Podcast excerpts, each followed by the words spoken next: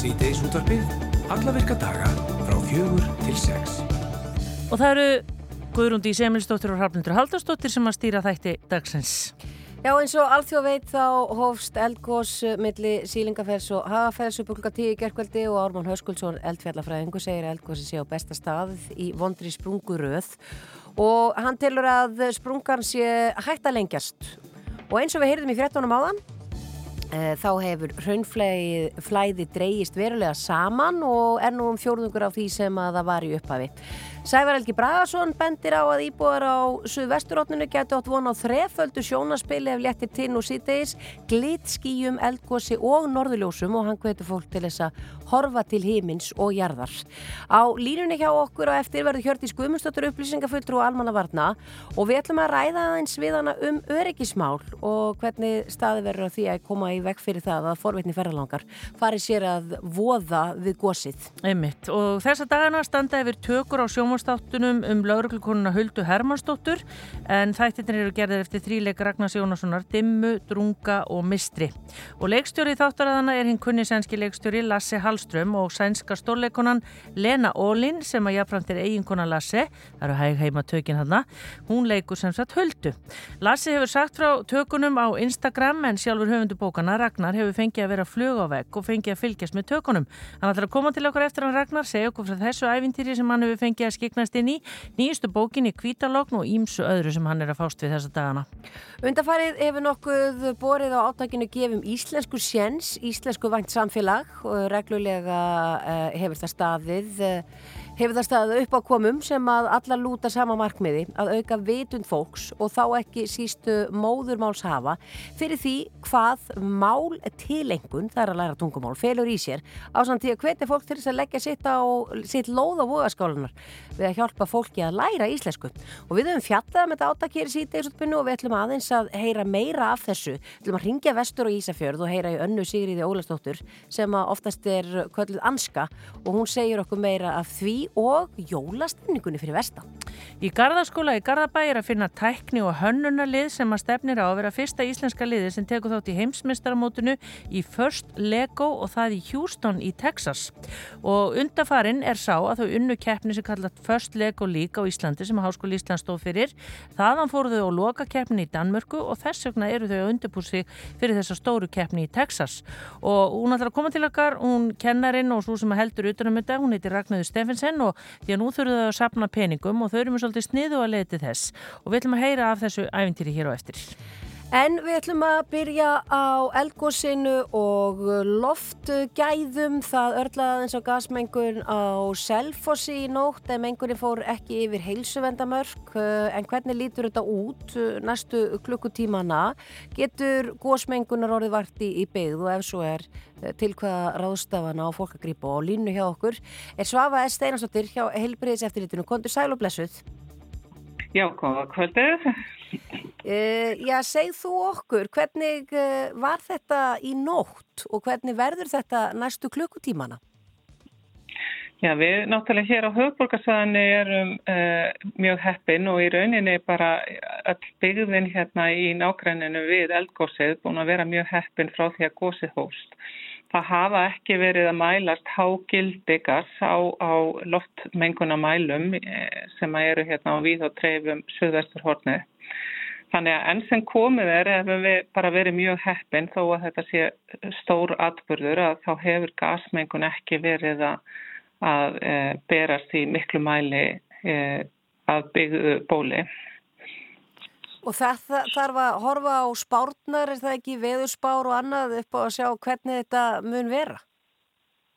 Jú, sko nú er veðurstofan komið með mjög góða reynslu í að vera með loftgæða spálíkun og uh, þau eru aðgengileg hérna, sem sagt, loftgæða spáin er á veð veðurstofunar og þar takaði náttúrulega tillit til veðurspár og, og þær upplýsingar sem við uh, höfum um gaslósun til þess að spá fyrir um hvernig uh, þessi mengun mun dreifast. Og samkvæmt upplýsingum frá umhverjastofnum sem komið fram hér fyrir í dag að þá er kannski gert ráð fyrir því að það gæti komið mengun inn á höfuborgarsvæðið í nótt eh, eða snemma í fyrramáli en uh, það lítur út fyrir allavega að það gæti þá bara verið í stuttan tíma. En uh, við þurfum bara að fylgjast vel með mælunum sem eru á höfuborgarsvæðinu og þeir eru aðgengilegir á loftgæði.is og þar sér fólk ef það breytist liturinn á, á punktunum sem sína mælistöðvarnar að þá er eitthvað mengunaröfni sem er að fara yfir mörg og uh, ef smelt er á stöðvarnar þá er þetta að sjá hvaða mengunaröfni það er og það er náttúrulega kannski ekkert víst að við förum yfir helsum vendamörk, eh, við bara förum að sjá hvað gerist.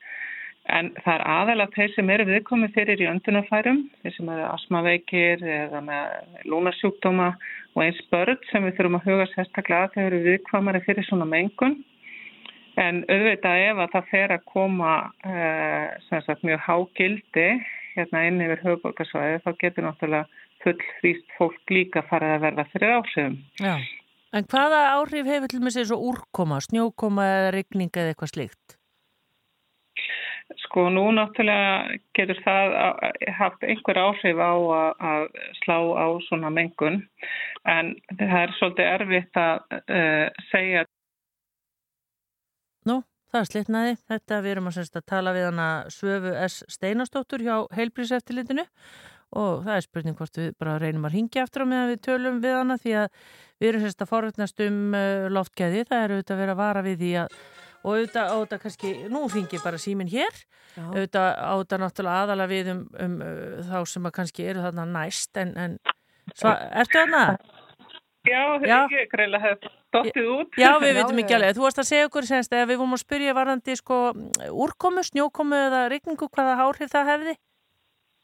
Já, það náttúrulega getur haft einhverja áhrif náttúrulega til þess að, að fella út eitthvað af, af svona mengun en, en uh, það er kannski svolítið erfitt að, segja til um það en, en þetta gas, brennistins díóksíð, það er mjög kvarfgjant en uh, það áksast gerðnan við agnir og önnur efnarsambund í lofthjóknum með tilstuðlan sólaljósins Þá geta myndast svona súrtíð og jáfnvel brennest en síra sem fellur þá sem súrt regn.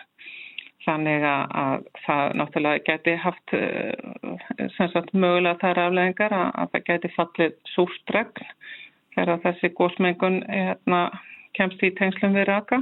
Já, og hvað, hvað þýðir það, súrt regn? Ja, sústræk náttúrulega getur bæði valdi gróður skemdum og, og skemdum á mannverkjum en uh, það kannski er eitthvað sem við þurfum ekkert að hafa uh, áhyggjur af strax að, að geti farið að valda neinum áhrifum hér.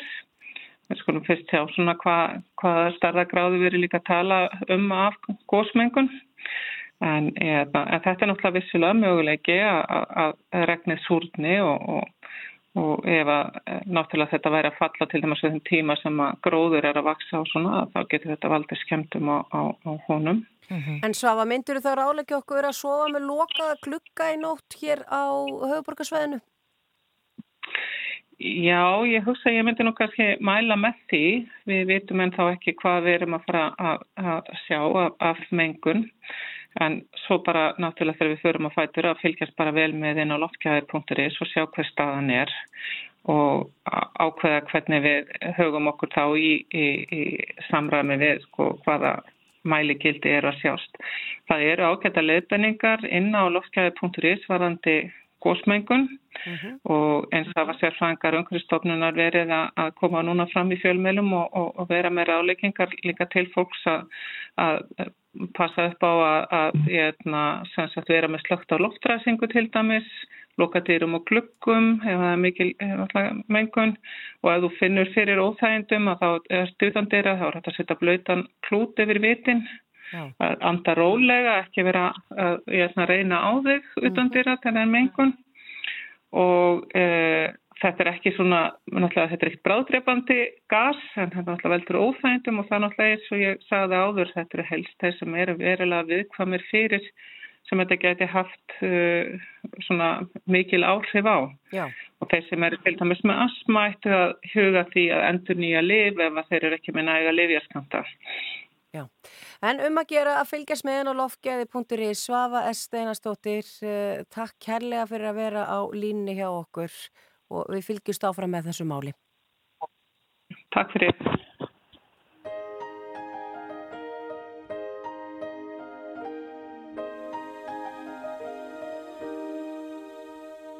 Kvöldinn hann kemur um jólinn með kólsvarta skugga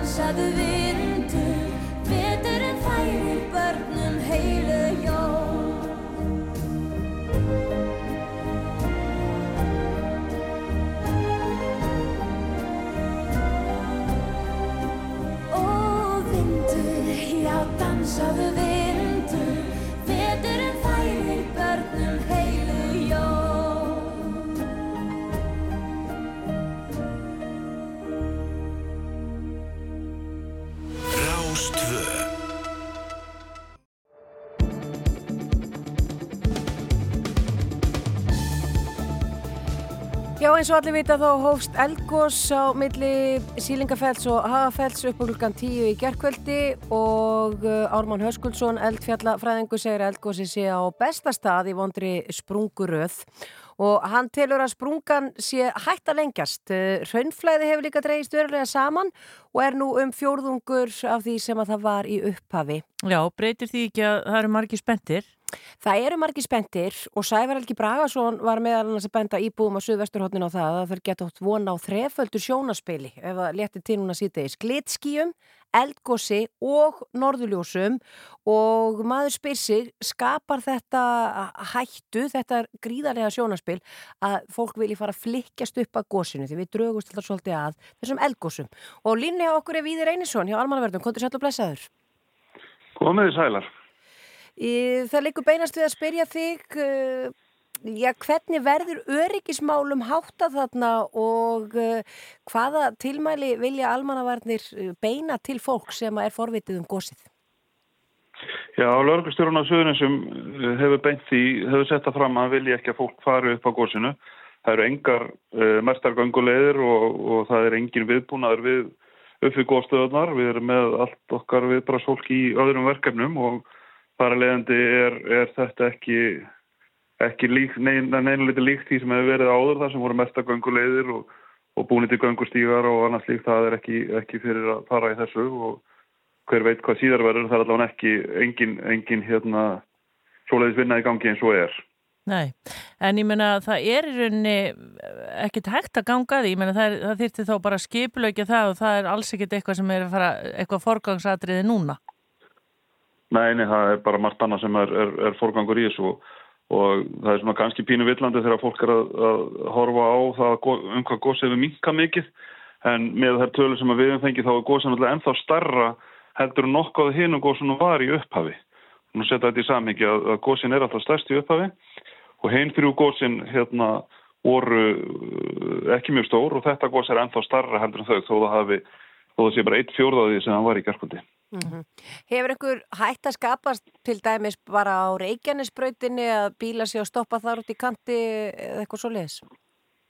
Það var í gerkvöldi, það hafðu menn ágjur af því að það var aldrei mikið um það að, að bíla voru að stoppa og fólk voru að fara út og glemdi sér í myndatökunni og, og hérna og einhver, einhver, einhverja tilkynningar allan að bárust um, um hættu að þeim völdum að fólk hefði ekki farið varlega í kringum umferðina og, og hérna og það, það rættist úr að við komum ágætum upplýsingum á framfæri í gerkvöldi og þá, þá rættist úr því og, og ekkert engin vandræði sköpuðist að því og vonandi verður það bara þannig áfram og Og ef að, ef að hérna, spár sævars rætast að þá er nú ágætt að horfa á þetta bara úr talfæri fjalla að, að njóta alls þessar að þyrkja e, náttúrufyrirbyrða sem hann er, að, hann er að tala um og, og sér þetta bara ágætt, ágætt úr fjalla að, sjá gósið og glitskíin og, og norðurlösin. Já, en hver eru svona næstu skref í þér svona varðandi sko, svona fyrirmæli frá almannavörnum? Bara svona næstu klukkutímar og sólarhengar?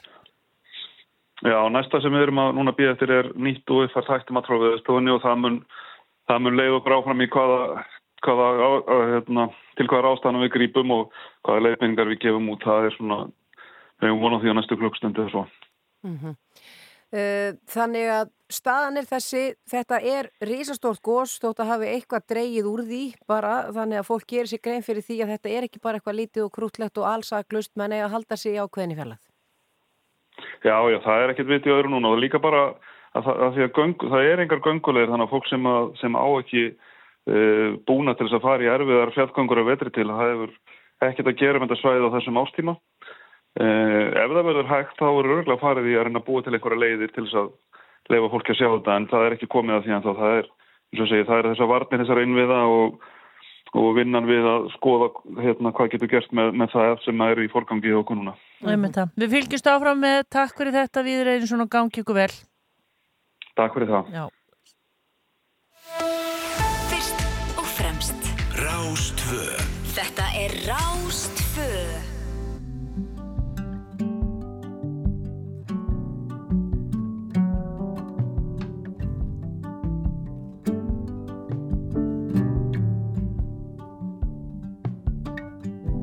Miss my home.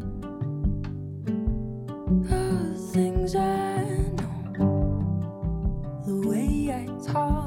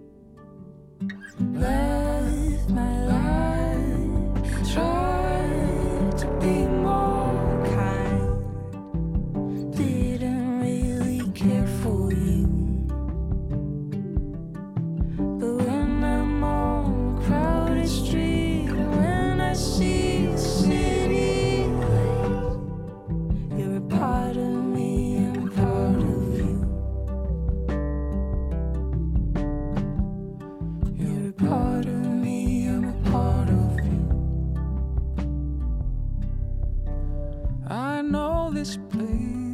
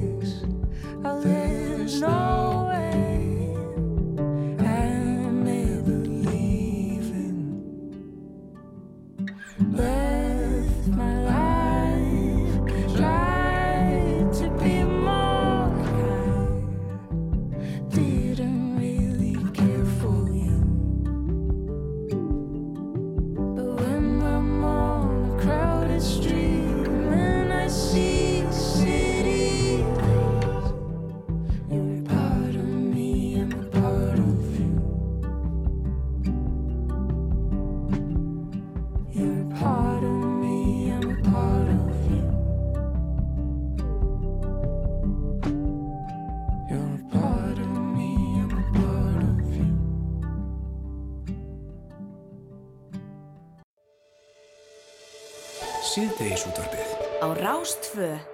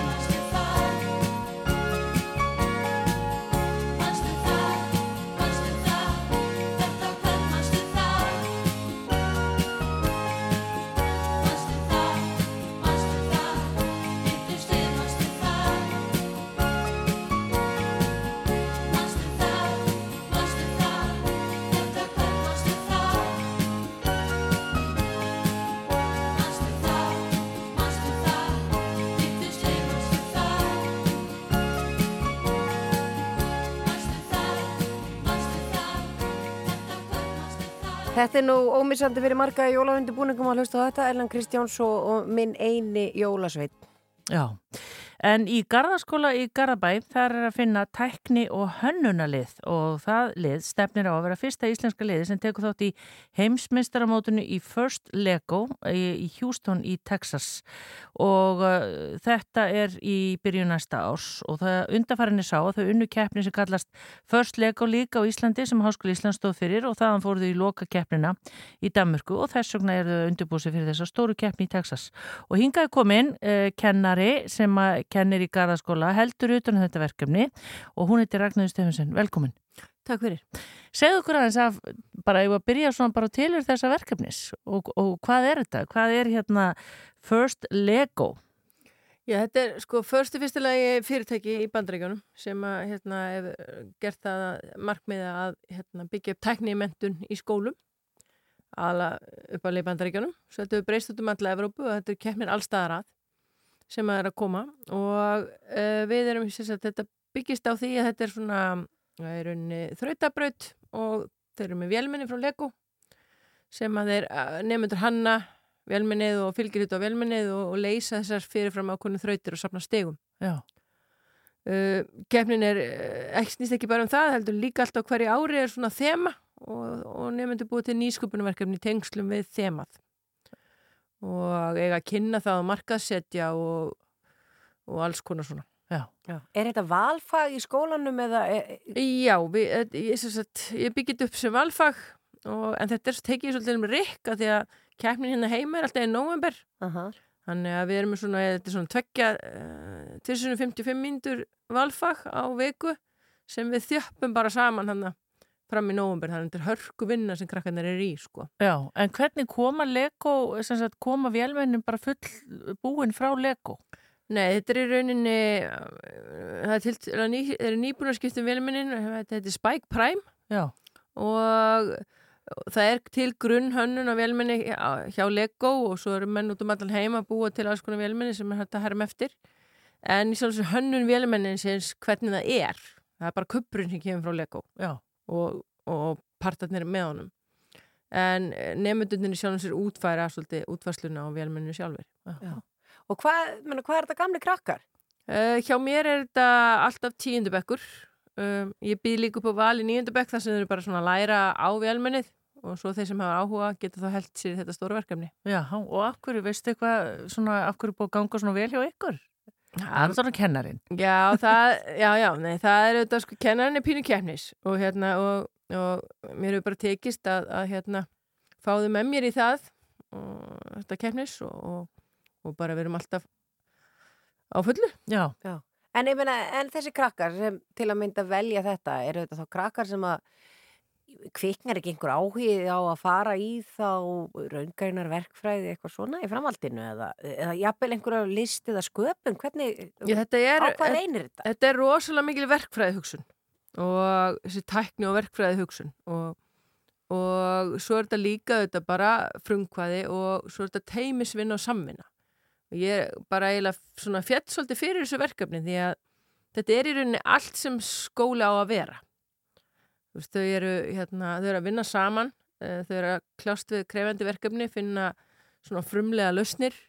Þau eru líka í síðan í þessu þemaverkefni að vinna, leita sér upplýsingum og, og vinna texta og, og halda fyrirlestra og, og, hérna, og kynna fyrir dómnefndum og, þannig, að- og svara spurningum og um sitt eigi verkefni og þannig þetta, þetta er allt í Já. þessu verkefni. Þetta er bara bara eins og bara reka fyrirtæki. Í, Já, þetta er það svolítið. Já. En hvað hérna, þetta er náttúrulega stóra sviðið í Houston í Texas og hvenar er þetta? Þetta er, uh, keppnin er 17. til 21. apríl. Já. Og kosta peninga. Já. Þannig að því ég sá bréf frá þér í gerð, þar sem að þú ert svona, já bara, þið, þið skrifir bara kæru gardbæingar og aðrir Íslendingar sem sjá þetta bréf. Og þið eru semst að leita til fólks um að styrkja ykkur og ásaldið svona nýstarlegan hátt. Já, það er þetta, þetta tíma, þetta koma eiginlega upp, sko, að þetta er þetta tímabil núna, þetta er desember. Já. og við erum að fara að panta flug. Og þá kom upp þessi hugmynd að það detta niður dauðir oft eh, hver áramót alveg hellingur á flugpunktum. Og það er ekki sem segir að það, með, það í reglunum á millifæra þetta hægri vinstri og fyrir það borgað svo kallar millifærslu gjald sem er nú ekki hátt. Og við ákveðum bara aðtókvort við getum ekki náði eitthvað að þessum punktum. Já. Og hérna hrindum þessu af stað í gær. Og hvernig eru viðbröðin? Uh, viðbröðum voru bara fín í, í byrjun en vondi heldur það áfram. Þetta er svona, ég er svona að reyna að fá fólk til þess að deila þess ég er sjálf með þetta á mínu, mínu minni fjesbók eins og við getum sagt. Í Já. opinni fæslu er að reyna að fá fólk til þess að deila þessu áfram og láta þetta berast. Já. Við erum komin upp í 300 punta. Já. Og það kostar, hvað er þeim þá mörg sem færu þessa ferð? En þetta eru, uh, upphaflega liði var hérna uh, sjö, það er einn forföll, þannig að þetta eru sex nefnendur og tveir farastörar. Já. Þannig, og það kostar þetta aldrei að fara með allt þetta til Hjústón. Þetta er löng leið. Þetta er löng leið og, og flugið er stór þáttur í þessu Mhm. og hérna þetta er, við þurfum að fljúa í gegnum, við fljúum gegnum Chicago og svo áfram frá Chicago til Houston. Já. Þannig að þetta er, En hvernig snýr fólk sér í þessu varandi flugpunta? Er, er, er fólk að leggja, eins og þú segir, það má millifara þetta hvernig sem er? já þetta er sagt millifært á einstakling og einstaklingur sem mun panta miðana er ég. Já. Þannig að fólk er í raunin að leggja þetta inn á minn puntareikning. Já. sem bara minni kennutölu og, Bara mjög gott. og svo leiðis Já, já. og síðan vorum við búin að efa svo ótrúlega skildi að myndi, þjóðum myndi bara trillast og láta okkur fá hérna fullt af punktum þá ætluðum við síðan bara að ánafna svo restina punktunum sem eru þau umfram til hérna í sjóðin hjá Æslandi er hérna langveik börn Já. Já, en, en sko, ég meina, það er annað sem fylgir þessu, það þarf að, ég meina, fáið eitthvað styrk frá, Eh, Við höfum Á verið mótshöldurum við, höfum, við vorum með styrtaræðala og sá samningur er einn rennur út um áramót sem er Marel.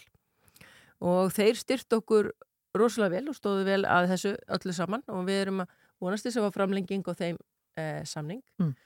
Og kannski er þið til að bæta eitthvað í þessa keppni. Því í rauninni sko samningur vennilega hafa liðin alltaf farið í þessu skandinavsku lokakeppni en hún klopnaði núna þannig að Daninni fóru sér Nú. og, og normenn og svíjar þetta var orðið svolítið bara stórt fyrir þá held ég og ég veit ekki, veit ekki um, alveg ástæðina fyrir því þannig að við völdum að fara til Danmörku og, og þá erum við reyni bara komin í danska keppni sem er, þú veist, ekkert mikið starri heldur en okkar heldur kannski aðeins fleiri jafngóð lið já, heldur en hér heima.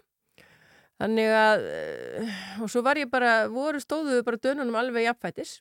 Og vorum bara tilnefnt þannig efstu sætin í öllu úti. Mm og þannig að uh, þá hefur alltaf verið þetta sæti sem enginn hefur tekið. Það eiga allar þjóðir sem eru í First Lego uh, sæti í lókikemni en það hefur bara enginn tekið. Þetta er svo, þetta er svo stór batteri að fara allar liti í Hjústón. Sko. já, Já. En nú á að fara. Nú á að fara því nú er ég með hóp af krökkum í höndunum sem að bara standa jafnfættis með skoðst í Skandinavíunum og þá getum við alveg farið. En Ragnar, ef að fólk á ekki punkta, það er náttúrulega væntalega hægt að styrkja ykkur á annan hátt. Já, bara netfangi mitt er bara á garðaskóla síðunni Já, og allir sem vilja styrkja okkur á einhvern hátt eða þurfa að leiðbyrningar um hvernig þeir styrkja okkur um punkta geta bara sendt á það mjög auðvelt netfangi mitt af því það er bara rs allt garðaskóli. garðaskóla.is Já, Já. einmitt. Þar hafið það, þannig að uh, ef það eiga einhverjir flugpunta eða umfram pening og vilja senda krakkana til Houston að keppa fyrir okkar hönd. Já, einmitt og hérna við bara fylgjum svo bara áfram með ykkur og þið erum náttúrulega þangað til að öruglega bótt þetta Já. ykkur eða hvað?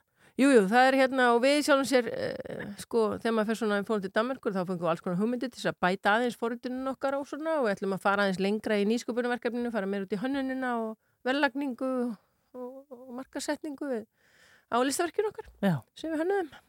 Þetta er spennandi. Ragnarður Stefinsen, uh, kennari og utanum haldari um þetta verkefni First Lego í Houston í Texas. Ég segi bara gangi ykkur vel og við hérna og bara nú hérna allir sem að vettlingi geta valdið, annarkvæmt að finna þig á Facebook eða senda rs at garðaskóli. Punkturins. Takk fyrir komna. Takk hjá Dagarnir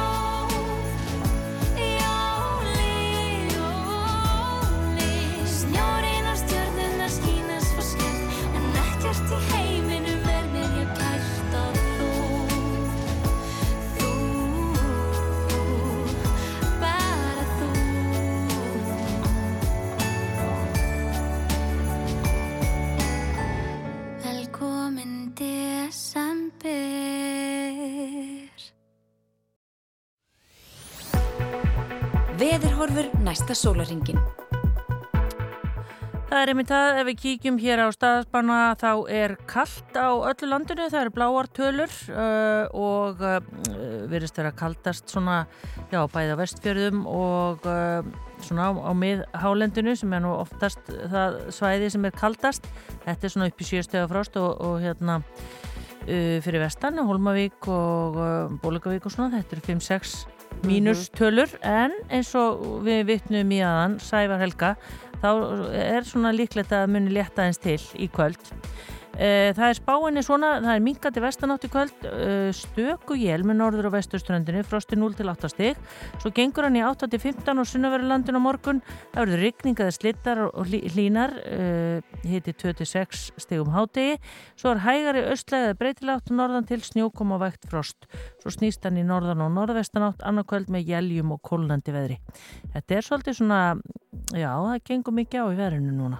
Já, dagana. það er umleipingar samt og, og, og ég sá það síðan hérna bara á fjersbókinni hjá mér að, að eh, var einhver að að væri flughálka í þrengslónum. Já. Ég hef ekkert fyrir mér í því annað en bara það að, að það er flughálka í þrengslónum samkvæmt þessum vegfaranda. Og ef ég kíkja þess á þetta, það er bara snjóþekki eða hálka á flest öllum vegum og eitthvað um jælega gangi flestum landslutum og uh, vegfarendur eru bara einfallega beðnir um að kynna sér aðstæður áður en að lagt er af uh, stað. Já, aldrei er svo vísa og of oft kveðin. Nei og svo það kynkti niður miklum snjó hérna, til dæmis á höfuborgarsvæðinu áðan og uh, það segir líka hér að það séu hálkublettir á öllum leiðum. Þannig að fólk þarf ekki að bara gefa sér pínu tíma í uh, jólastúsið og jólastressið og allt þetta. Getur ekkert bara geislaðið frá A til B og eins tók ég líka eftir því ég var að koma snemmi í morgun. Máttaleitið að það voru ekkert allir að hafa fyrir því að skafa. Það var svona lítið gatt bara. Já, lítið gatt og einhverjur höfðu svona alltaf að stýta sér leið með að láta uh, farþegamegin fram í bara rúlaðins niður rúðunni og upp aftur það skilaði einhver. Já. Þannig að það aka í svona dimmu eins og er núna og stýttist í styrsta dag ársins, hann er nú bara á, á hindaginn Já. og einmitt, ekkert í allt og góðum skilurum verðum að gefa okkur tíma og verðum allavega að skafa bílinn. Já, já, ég var einmitt ekki með vettlinga, ég var að skafa í morgun. Já, sá eftir því. Já, það er hundlegilegt. Það er með að kalla höndunum, Já, já. við kynni það. Þetta er svona hú og vettlinga við þur. Það er svolítið þannig. Við ætlum að fara næst yfir í Steppa og Eyva. Já, það er lag sem að þeir, um, ég veit nú ekki, þetta er 2018 held ég við höfum fundið þetta lag sem að þeir hérna sungu saman, þeir gáðu út jólaplötu, mann og ekki heldur hvað hún heitir, en hún er mjög gott, svona professionala, eða svona fagmannlegt að koma hérna og segja frá alls konar og veit ekki neitt. En allavega... Við vitum ímislegt. við vitum allavega það að þetta lag, það heitir Jólagleði og er flutt af Stepp og Eva. Og svo höldum við áfram inn í tilkynningar og fréttir. Og svo er Ragnar Jónasson réttöfundur, hann kemur til okkar eftir fimm. Jólagleði, jólaljós. Þegar líða fer að jólum Lifnar yfir borg og bæ. Það er litatýrð og erill Einhver syngjandi sí og gæ Það er hótal margt að gerast Engin meikar stefna ber. Hvort mun eiga vera þar eða hér? Sendu kveðið öllum vinum Hvort sem táknar hlýjan hug. Lítið kertaljós í stjaka Vísar myrkvælutin á bug. Jólakötturinn er týndur Kanski var hann aldrei til. Eða kemur hann um Þorláksmessu byr Vertu barn í hjarta þínu Allt er bjart og kyrrt og rót Bjóttu gleði þinni heim á jólanótt. Jólagleði, jólabyrta, jólagleði, jólaljós. Láttu skóin út í glugga, skín í fjarska tungli veitt. Og nú skunda jólasveinarnir til byggða þið fara greitt. Fari gríla niður komin, getur nokkuð sagt mér það? Okkur grunar að nú sé hún lögð af stað.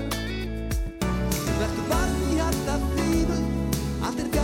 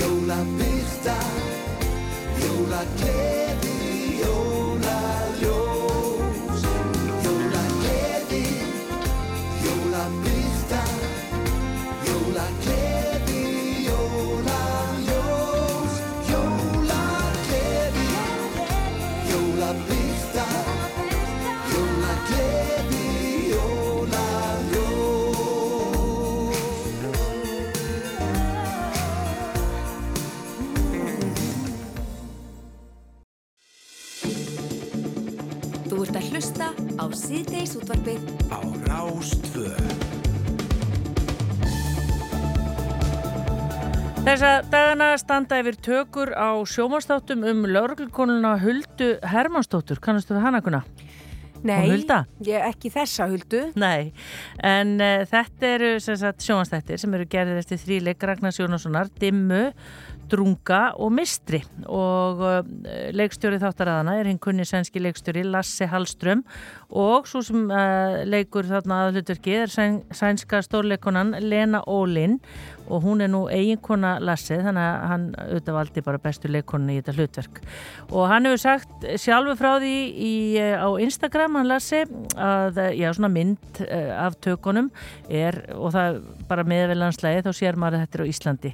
Og höfundur bókana Ragnar Jónasson hann hefur fengið að svona aðeins að skiknast inn í, inn í tökutun og fengið að vera þarna flugavegg og hann er hinga komin ætlar að segja okkur frá því og ásamt nýju bókinni Kvítalogn og Ímsu öðru Velkomin Ragnar Takk fyrir. Ég segð þú okkur, hvernig er nú svona, ég veit þú máttu ekki segja hvað er verið að taka upp, þetta er auðvitað allt svo mikið leyndamál, en, en hvernig er að fylgjast með? Heri, þetta er algjör, algjört ævintýri og já, ég, ég veit ekkert hvað ég má segja. Ég sé eins og að Lassi og Lena eru bæði búin að byrta einhverja myndir eins og þú segir hérna á Instagram af, af tökunum. Þannig að hérna, þetta er nú kannski ekki, ekki fullkomi leyndamál. En, hérna, en, en það er að lítið búið að segja frá þessu. Annað en að er að, le- eh, hún er að leika þarna og hann er að leikstýra. Og, og hérna, já, ég fengi að mæta og hérna fylgjast með og, og þetta er náttúrulega alveg ótrúlegt og, og bæði að sjá hann svona að verki þetta er, hérna, þau eru bæði fólk sem hefur verið tilhengd til Óskarsvöluna og fengið allskyns viðurkenningar í gegnum árin og sjá hann sko vera að stýra þessu að svona reynslu mikill maður og, yfirvegaður alveg en samt einhvern veginn með allt á hreinu og, og veit alveg hvað hann vill ná fram og það er, það er mjög áhugavert að sjá það og fylgjast með því að því maður nú ekki upplifað einhvern veginn áður að horfa á svona leikstura sko í, í hérna að vinna Nei. og svo, svo aftur á móti að horfa á, á, á hérna Lenu leika huldu það er, það er í rauninni alveg hérna eiginlega alveg lígilegt hvað hún er hvað hún fyrsta lagi bara er þessi karakter einhvern veginn og, og hún, hún algjörlega skilur persónuna og, og nærinni en svo er þetta, svo er þetta svo, það er svo, þú veist, þessi maður kannski segir þetta svona þessi hérna, þessu stjörnur eða leikarar eða það er alltaf eitthvað svona við þetta hérna, fólk sem nær þessum árangi, það er eitthvað svona x-faktor sem maður átt á og það, hún hefur það alveg, maður svona nálgast hann að maður sér að það er eitthvað hún svona heilla mann alveg upp úr skónum strax og svo, og svo sér maður hann taka sömu serjunda kannski aftur og aftur og það er alltaf eitthvað það er alltaf eitthvað nýtt og eitthvað blik í augunum og hún gerir þetta alltaf aðeins öruvis og alltaf frábælega og hérna, það er, þetta er hérna, já, ég er alveg töfrandi að fylgjast með þeim bara þeim saman og þeir Já. náttúrulega eru hjón og, ná mjög vel saman Einmitt. En hvað hérna, þú mátt alltaf alls ekki, meina sko, þetta eru þrjár bækur og veistu, máttu segja okkur, þú veist, hvað er þetta margir þættir eða hvernig, þú veist, hvað er þetta stórt verkefni? Já, þetta er mjög stórt verkefni og hérna, og ég held að ég held að þetta séu sex þættir úr fyrstu bókinu ef ég mann rétt Já. og hérna, ég held að sé nú alveg búið að segja frá því og, og, og uh, það er CPS og, og svo fyrirtæki sem heitir Stampede sem eru að standa bak við þetta ásamt True North Já. og hérna, já þannig að þetta er allt þetta er, þetta er, það er mikill sko, það eru miklu fagmenn að verkja á öllum stöðum og það er líka, þetta gengur allt mjög smurt fyrir sig að, á, hérna, á tökustað. Já, en þú mátt ekki, ekki skipta þér af Nei, ég höfundur. má voða lítið skipta mér að ég er náttúrulega búin að aðfenda þetta verkefni bara. Og ég var ekkert að skrifa handritið að þessu eða neitt slíkt. Og hérna, mér finnst svona ég, ég mæti bara þarna sem gestur og fæ að fæ að fylgjast með og það er kannski það sem að mér finnst skemmtilegast við þetta. Og þetta er síðan mest spennandi að sjá þetta bara lifna við á skjánum. Það er Já. það sem að ég hlakka nú mest til Og talandi um það, þú, þegar þú skrifar náttúrulega þína bækur, þá er þetta allt saman ljóslifandi í kollinum á þér og svo sérðu einhvern annan vera að skapa þetta svona. Er, er það ekki alveg merkja? Heldur þú að ég er ekki eftir að semja bara í framtíðinu og alltaf svona ímyndaðir að þarna nú verði gerðir þættir um þetta? Jú, eh, svona kannski ekki beint en, en hérna, maður er ekkert endilega með það í huga ég vil þeirri nú bara skrifa það sem maður langar að skrifa og það er, það er sko bara tilvílunum háð hvort að einhver kveikir á þýs fyrir eitthvað annað. Þetta er nú í fyrsta sinn af, af hérna, ansi mörgum bókum þar sem, einhver, þar sem þetta fer það langt að fólk ekki bara kaupir réttin að, að bókinni heldur eru raunverulega að byrja það framlegana þannig að það er það er eins og að vinna í hattrætti sko í raunin að komast í gegnum það nála rauga og ég er þakkláttu fyrir það og hérna en jú það er skrítið að sjá þetta hérna litna við og svo stundum mann ég ekki einu sinni sko það er þarna einhverja persónur náttúrulega í þessum seríu sem að ég bjó ekki þetta til endilega því að það er verið að hérna auðvitað er þetta bara handrið sem er unnið upp á bókin og það er kannski ekki allir, hérna það eru svona aðal þarna og svo bættu við einhvern nöfnum og ég er ofta að reyna að muna býtu, var þessi bjó ég til þennan Já. þessa persónu eða ekki og hérna og það er eiginlega að fara að lesa bókin aftur en, Já. en þetta er alltaf alveg, já, þetta er bara búið að öðlast nýtt líf en, en hérna, en er í rosalega góðum höndum þannig að ég er mjög ég er mjög jákvæður á þetta Þannig að þú ert ánæður með þessa huldu. Já, ég er mjög ánægð með hana. Ég held ég hefði bara ekki getað- sko. Já, hún er alveg stórkostleg og, og, og, og spæði að sjá hann alltaf í, í bíó en síðan bara sjá hann og svona horfa bara á hann að leika hérna svona í raunveruleikanum er ótrúlegt. Þetta er, hérna, þetta er ótrúlega hæfileikar. Já, það verður býr að- fylgjast með þessu. Uh, nýja bókin heitir Hvíta Lokk. Já. Um hvað er hún? Heyrðu, hún er um glæpasagna höfund sem hverfur og hérna, það er eiginlega svona Hann bara hverfur. Já. Já. Og, og þetta er ég var nú svona að reyna að forðast að vera hvorki að skrifa um Arnaldni Irsu og hérna, þannig að aðalperson er kona en hún er eldri en Irsa og, og hérna, en er svona búin að vera þessi stóra stjarnar í íslenskum glæpasagna heimi og var svona kannski fyrsta manneskjan sem fór að skrifa glæpasögur eitthvað vita á Íslandi og skrifaði tíu bækur. Svo hættir hún að skrifa og hún er hérna, komin yfir sjötugt og þá hverfur hún. Hún, bara, hún, hún á ekki síma hún vinnur heima og hérna, býr einn bara að skrifa bækur á réttil og þetta er svona voða gamaldags típa og svo mætir hún ekki í hátegismat með vinnu sínum og mætir heldur ekki í kaffi með öðrum vinnu sínum og það er þessi rútina sem allir kannast við af og þá, þá fer, fara menn og ringja þá fyrir útgefundarinnar og ringir í laurugluna og segir hérna þessi frægasti rítumundu þjóðarinnar er horfin og, Mm. og hvað gerum við nú? Já, hérna. Gunna, við spennumst upp. Já, við spennust upp. Skortir aldrei hugmyndir, Ragnar? Nei, e, að, nei ekki meina, ennþá Þú ert gefin út í á mörgum tungumálum og, og eins og þú segir, þetta er, ég meina, hún hverfur, þetta er, þetta er mjög spennandi. Ég er bara strax alveg, ég get ekki beðið. En ertu komið með, ég er komið eitthvað lítið fræ fyrir næstu? Já, það er alveg nokkur Já, þau eru nokkur. Já, Já, ég, já. hérna, ég var einmitt að ræða dag og hugsa bara hvað ætti ég að gera næst ég, er búin að vera að skrifa draugasögu í vetur Já. sem ég hef aldrei gert í raun áður og, og hérna, mér var það svolítið skemmtilegt þannig að kannski ætti ég kannski ætti ég að gefa hann út. Svo er ég að vinna einu, einni bók með með félagi mínum, öðrum rítuvendi og það er aftur eitthvað sem að heilla mig kannski að klára. Og svo, eh, svo er ég nú líka byrjaður á sko framaldina af þessu kvítalókni hérna sem verður þá síðasta bókin í þeirri serju, þetta er svona þryggja bókaserja Já. um, Já, og svo kannski bara eitthvað allt annað, ég veit ekki svo Já. kannski ringir fórsættisráður í mig og vil gera aðra bók og og þá er- það er kannski að gera það Og talandum það, það er hérna uh, kvíslega því að okkur lítið fugla að New York Times valdi semst Reykjavík eina af bestu glæparsugum ársins í bandaríkjunum. Já, heyrðu, það kom í ljós núna fyrir viku eða svo og Og það er einmitt bóki sem þið skrifuðu saman, já, það er Reykjavík og Já.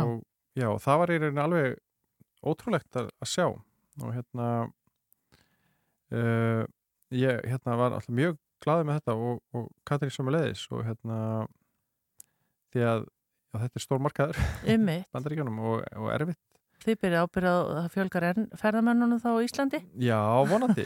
Mér finnst það nú mjög gaman ef maður getur ofta eitthvað þátt í því. Já, en hafið þurft að fylgja eins og þú, já þið bara fylgja því eftir eins og Já, við höfum alveg gert það. Hún er búin að vera, svo bók er búin að vera að koma út núna hér og þar um heimi. Bandaríkunum, Breitlandi og, og svona Evrópu, Fraklandi, Þískalandi, Já. Skandinavíu. Og við erum búin að fara nokkur sinnum frá því í sumar, eh, tvö saman og, og það er náttúrulega erfitt. Prógramið hennar er þétt. Þannig að ég svona þarf aðeins að laga mig að því. Já, hún meira stjórnat verskráni. Já, já, og Já. bara eins og þessari bók þegar við skrifum, hún stjórnar þessu öllu. Ég, hérna, getum þetta að segja, en, uh, en, en hérna, já, en það hefur tekist að fara nokkur sinnum. Reyndar tókst okkur nú ekki, við ætluðum að fara til síðasta ferðina árun átt að vera til Svíþjóðar, þegar bókin kom út þar í, í byrjun desember, en þá var hérna jörð farin að skjálfa og eldgós á leiðinni og það var engin leið fyrir hérna fórsetsáður að fara úr landi, þannig að við sleftum þeirri ferð. Já, það sæti bara lagi. Já, já, þannig að það er svona það er, hérna, það er aðeins öðruvís að ráða ekki alveg prógramin sjálfur það er mjög skemmtilegt, það er líka bara gaman að að vera ekki einn á þessum ferðalögum og, og hérna, sitta upp á sviði með einhverjum öðrum og, það, og hérna það kryttar þetta aðeins Já.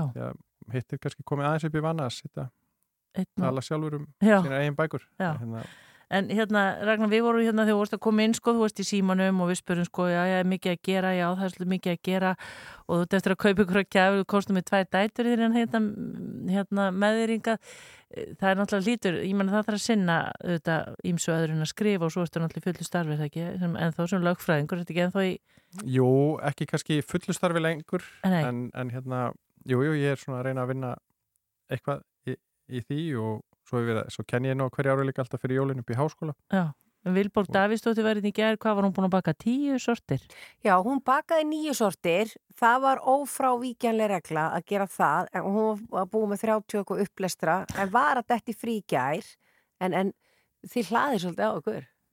Já, ég, einmitt, þetta- ég finn alltaf eitthvað að gera við tíman sko. ég, hérna, og þessi náttúrulega þessi kvikmyndatöku þetta kvikmyndatöku ævindir hefur nú svolítið búið að taka síðustu tvo mánuði, það er alltaf hérna maður er alltaf eitthvað að reyna að fylgjast með því og hérna það, þetta, ég- svona, mér tekst að bæta og svo var ég reyndar líka hérna, voru við að frumsýna leikrit í þjóðleikúsinu sem að heitir orð gegn orði sem ég þýtti Einmitt, já, þannig að það var enn eitt svona verkefni sem ég og það gerði aldrei fengið glimrandi tíma. dóm- Já, dóma.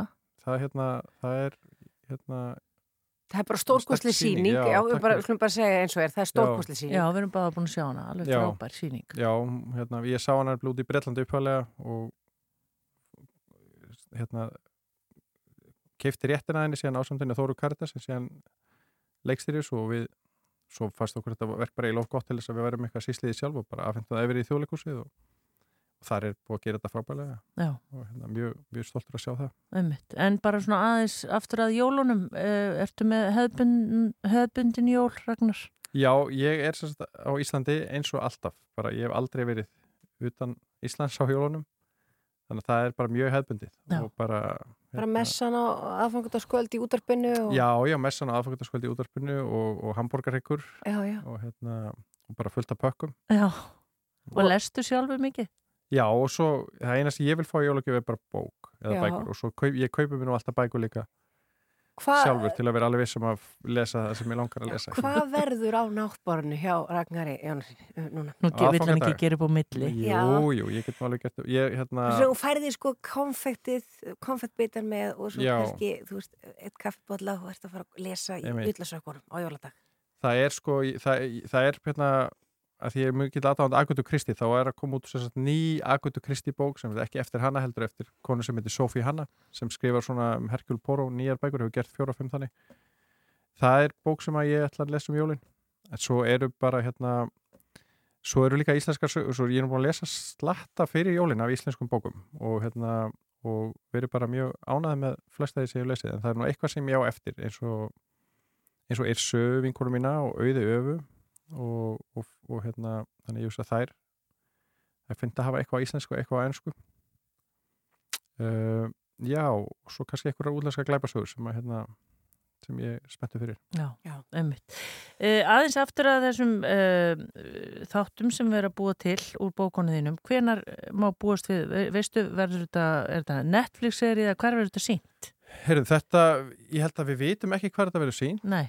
vegna þess að það er ekki búið að hérna, það er í höndum bara CBS og þeirra að rástafa því hvað þetta er sínt en nema á Íslandi þá held ég þetta verður á sjónvarpi Símans Já, það er eina sem að við Búið ákveða og hérna en, en hven er þetta kemur? Ég myndi nú halda kannski bara eitthvað tíma í kringum næstu jól, næsta haust Já. Já, við getum farið að láta okkur hlaka til. Já, ég er allavega spenntur Já, Mm. mjög spennt. Takk fyrir kominninga Ragnar Jónasson eh, til hamingi með nýju bókina Kvítalókn og til hamingi bara með þetta allt saman þetta Reykjavík vali, eh, hérna, New York Times valdi það sem eina bestu glæpasögum ársins í bandarækjunum, það er nú ekki smá heiður bara gangi er áfram vel Ragnar og takk fyrir að koma til okkar og gangi líka áfram að, að klára undirbúa jólin. Takk fyrir. Það eru spennt fyrir því dætu þína reyna. Já, þær vilja fara að komast út. Ég held þessi svolítið þannig. Takk fyrir. Takk fyrir.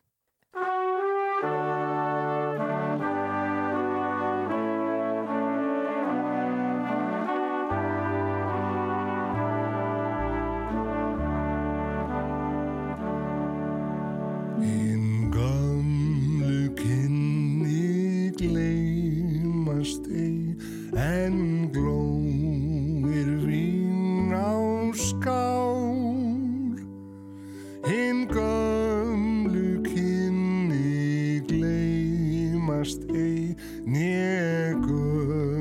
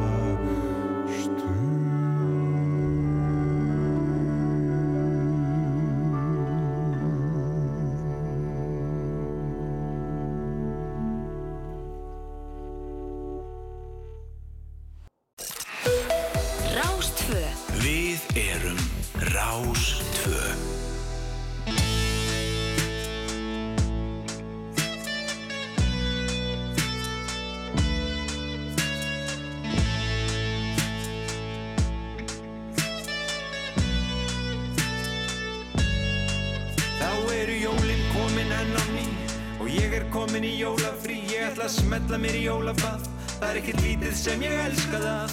Ég er komin spæri fötin í Reyna jólasokkana Og jólakötturinn er í Fílu bak við blokkina. Jólasveitnin er að dúlast Í pappa fram á gangi. Í opninum er hnetusteik Það er sums ég allt í gangi. Ég er að trillast úr spenningi Nú við undin í lámarki Svo ég kalla saman jólakór Og við syngjum saman jólalag. Prinsinn sendir jólakveðju til heimsbyðarinnar Hann elskar ykkur næstum öll, þið eru ljúlingar Prinsinn sendir jólakveðju til heimsbyðarinnar Hann elskar ykkur næstum öll, þið eru ljúlingar Ég drekk ekki jólabjór Það er nú meira bullið. Setti nýjar umbúðir Sama gamla sullið.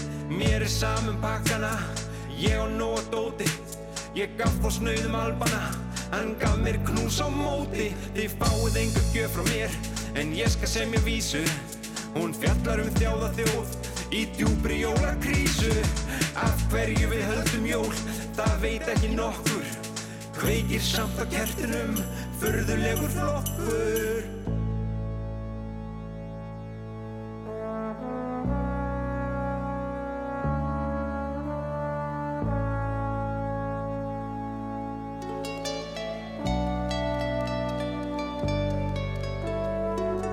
sendir jólakveðju til heimsbyggðarinnar. Hann elskar ykkur næstum öll, þið eru ljúlingar Prinsinn sendir jólakveðju til heimsbyggðarinnar. Hann elskar ykkur næstum öll, þið eru ljúlingar Prinsinn sendir jólakveðju til heimsbyggðarinnar. Hann elskar ykkur næstum öll, þið eru ljúlingar Prinsinn sendir jólakveðju til ykkur næstum öll, þið eru ljúlingar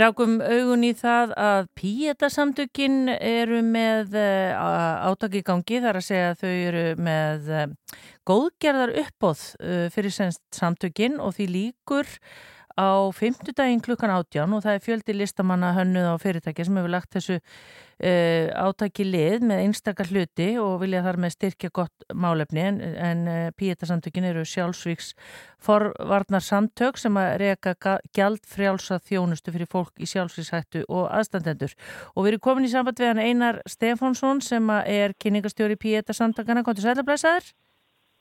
Já, góða kvöldi. Hvernig hefur þetta gengið hjá okkur? Sælega. Þetta er búið að ganga alveg vonum framar. Ég er bara virkilega þakklátt fyrir að fá að vera með í þessu uppbóði en hérna, þetta er sem sagt alveg glæn í síða uppbóð.com sem að hérna, sem að í rauninni bara er verið að setja, setja í loft, eða fór í rauninni í lofti bara í síðustu viku og hérna og það var þeir heyrðu í okkur hérna þeir sem, sem að standa fyrir þessari síðu með að vilja gera sagt hvað segir maður, svona debut uppbóði eða fyrsta, fyrsta uppbóði sem góðgerða uppbóð uh, til styrtar píetasamtakana og hérna og við vorum bara heiðruð að fá að, fá að vera, vera með í því.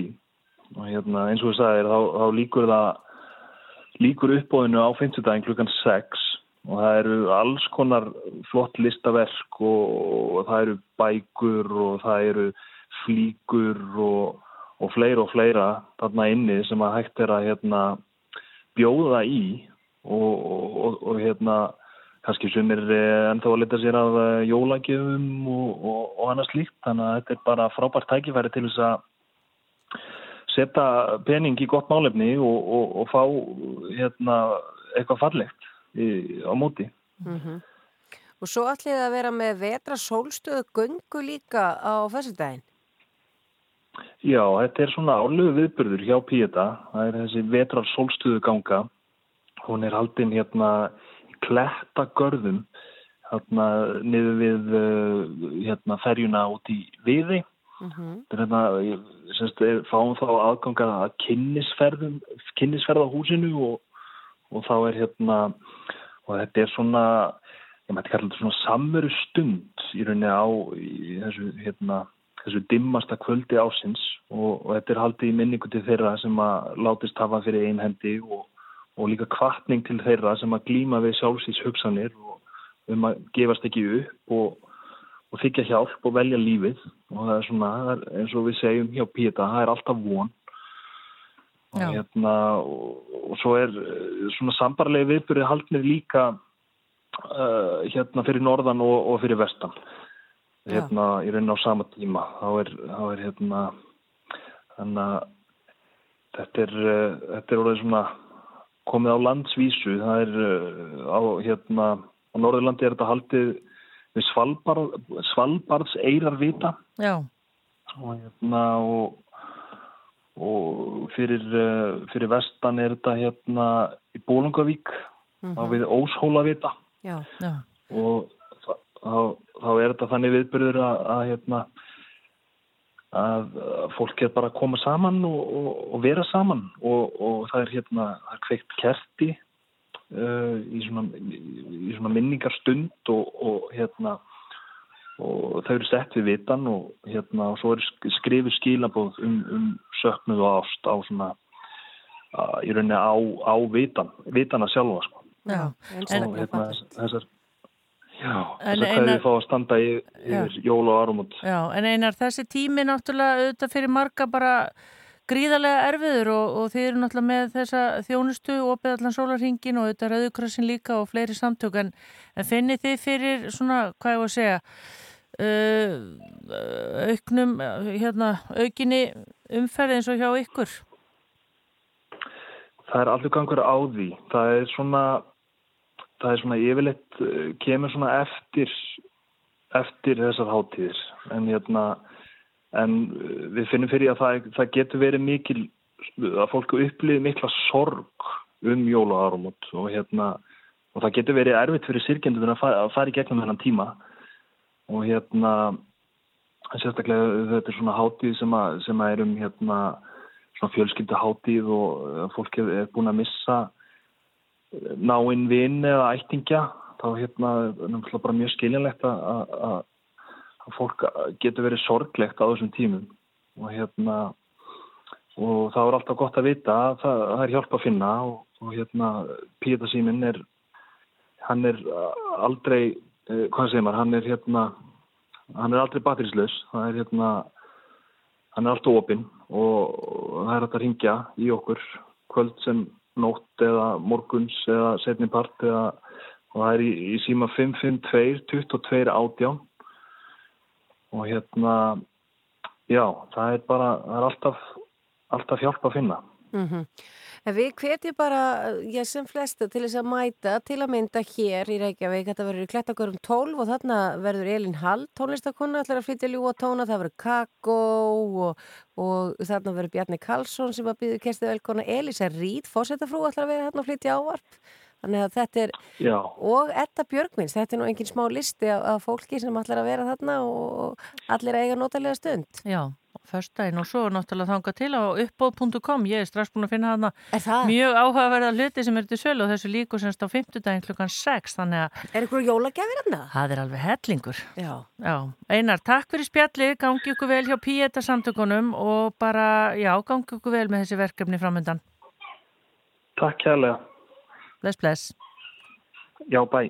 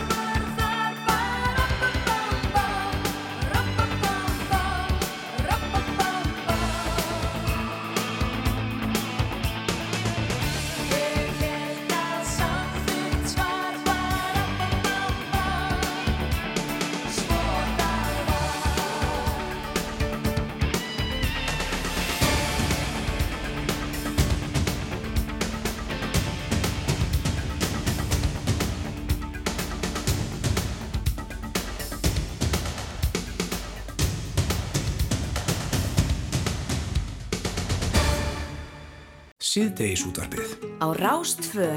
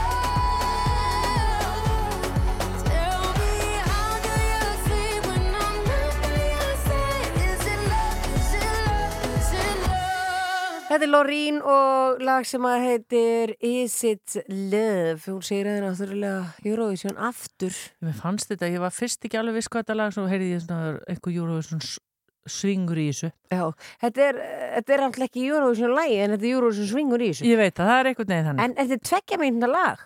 Já. Mjög stutt. Já. Það er ekki mörg lög sem að finnur sem að eru tvær mínútur Nei, í dag ekki á svo nýlega. Nei.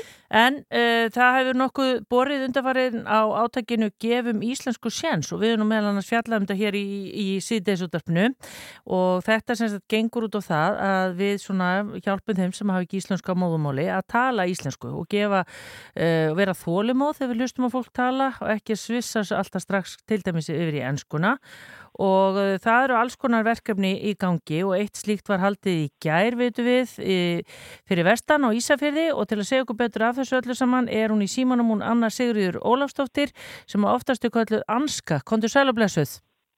Já, sæl og blessuð og sælar. Við ringdum í því allum að hafa því hérna í gær, eh, þá var akkurat bara prógramið í gangi, segð okkur aðeins af bara þessu til dæmi sem að bóði var upp á í gær.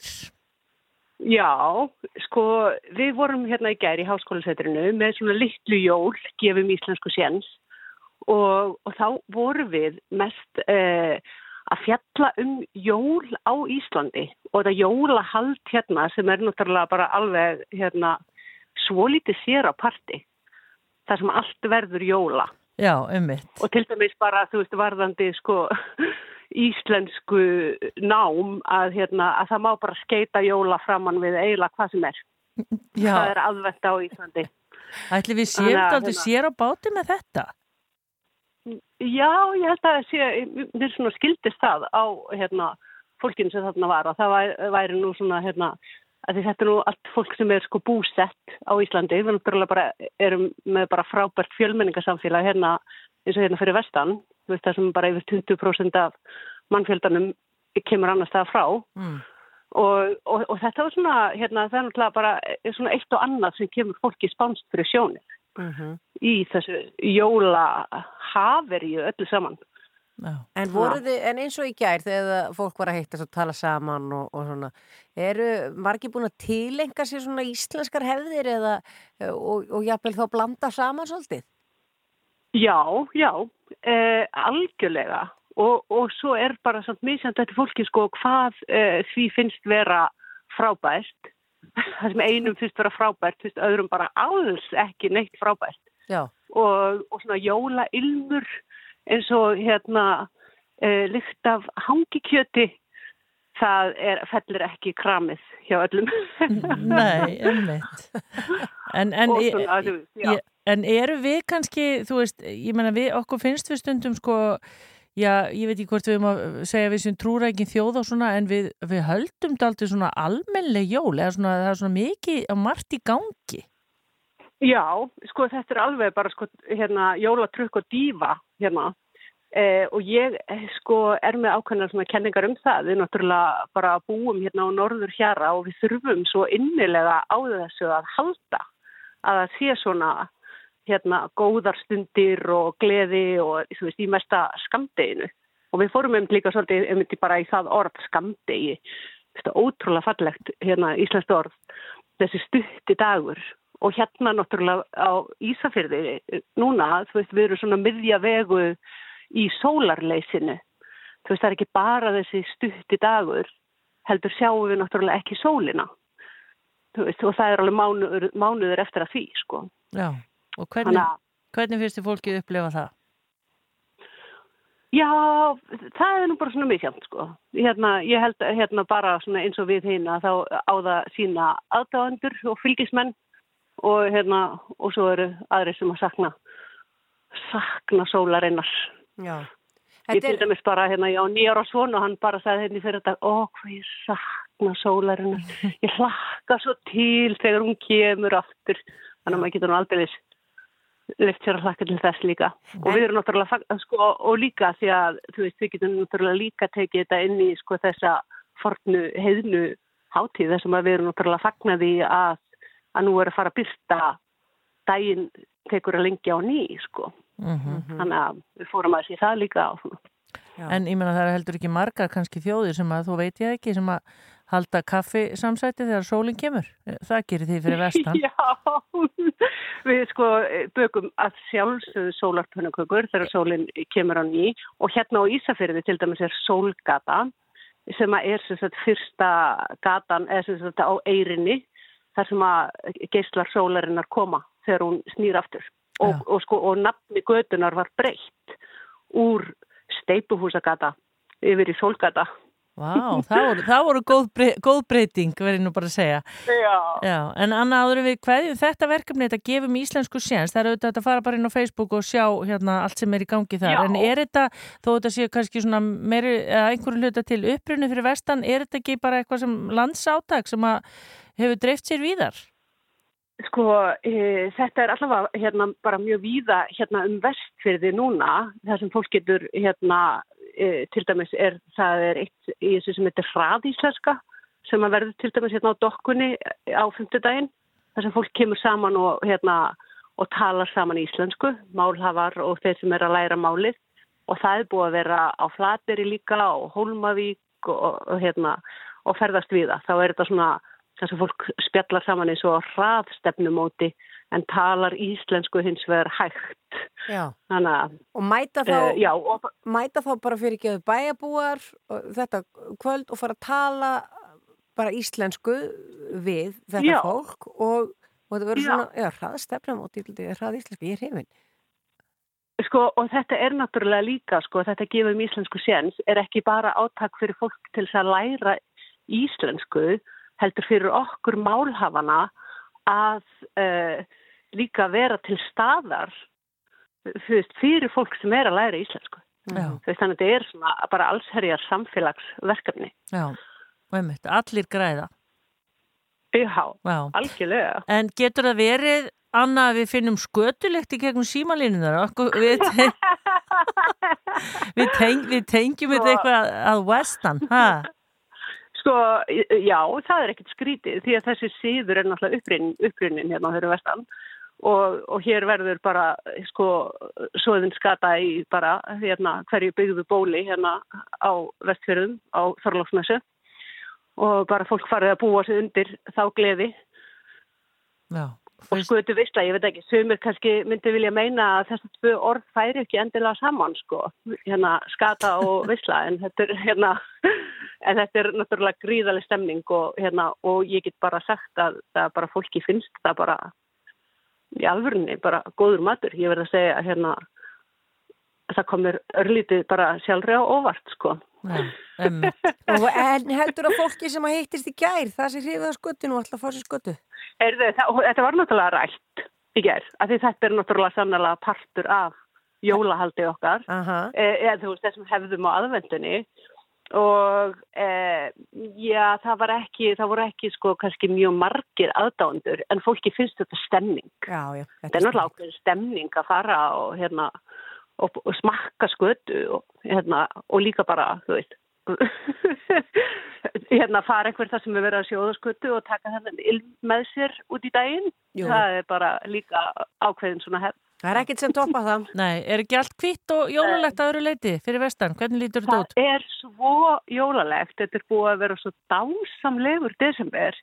Það er bara búið að vera svo mikla stillur og fallegt og bara svona temmilegt magn af snjó, segja flestir nema skýða fólkið. Þú veist það sem er bara svona fallega kvitt og indislegt sko.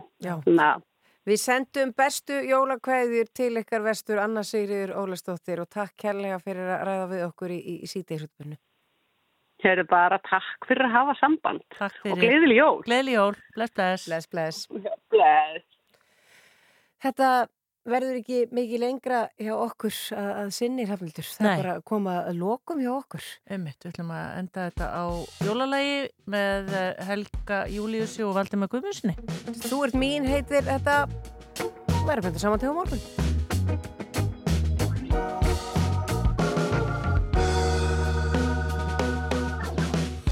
Leðu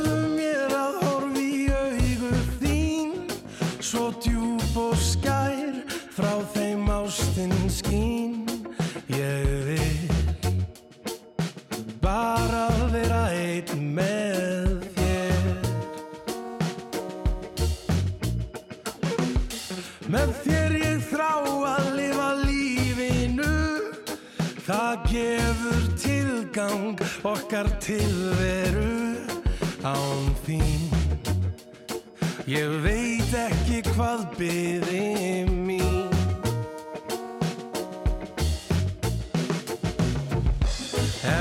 hverfur mun ég leita þín.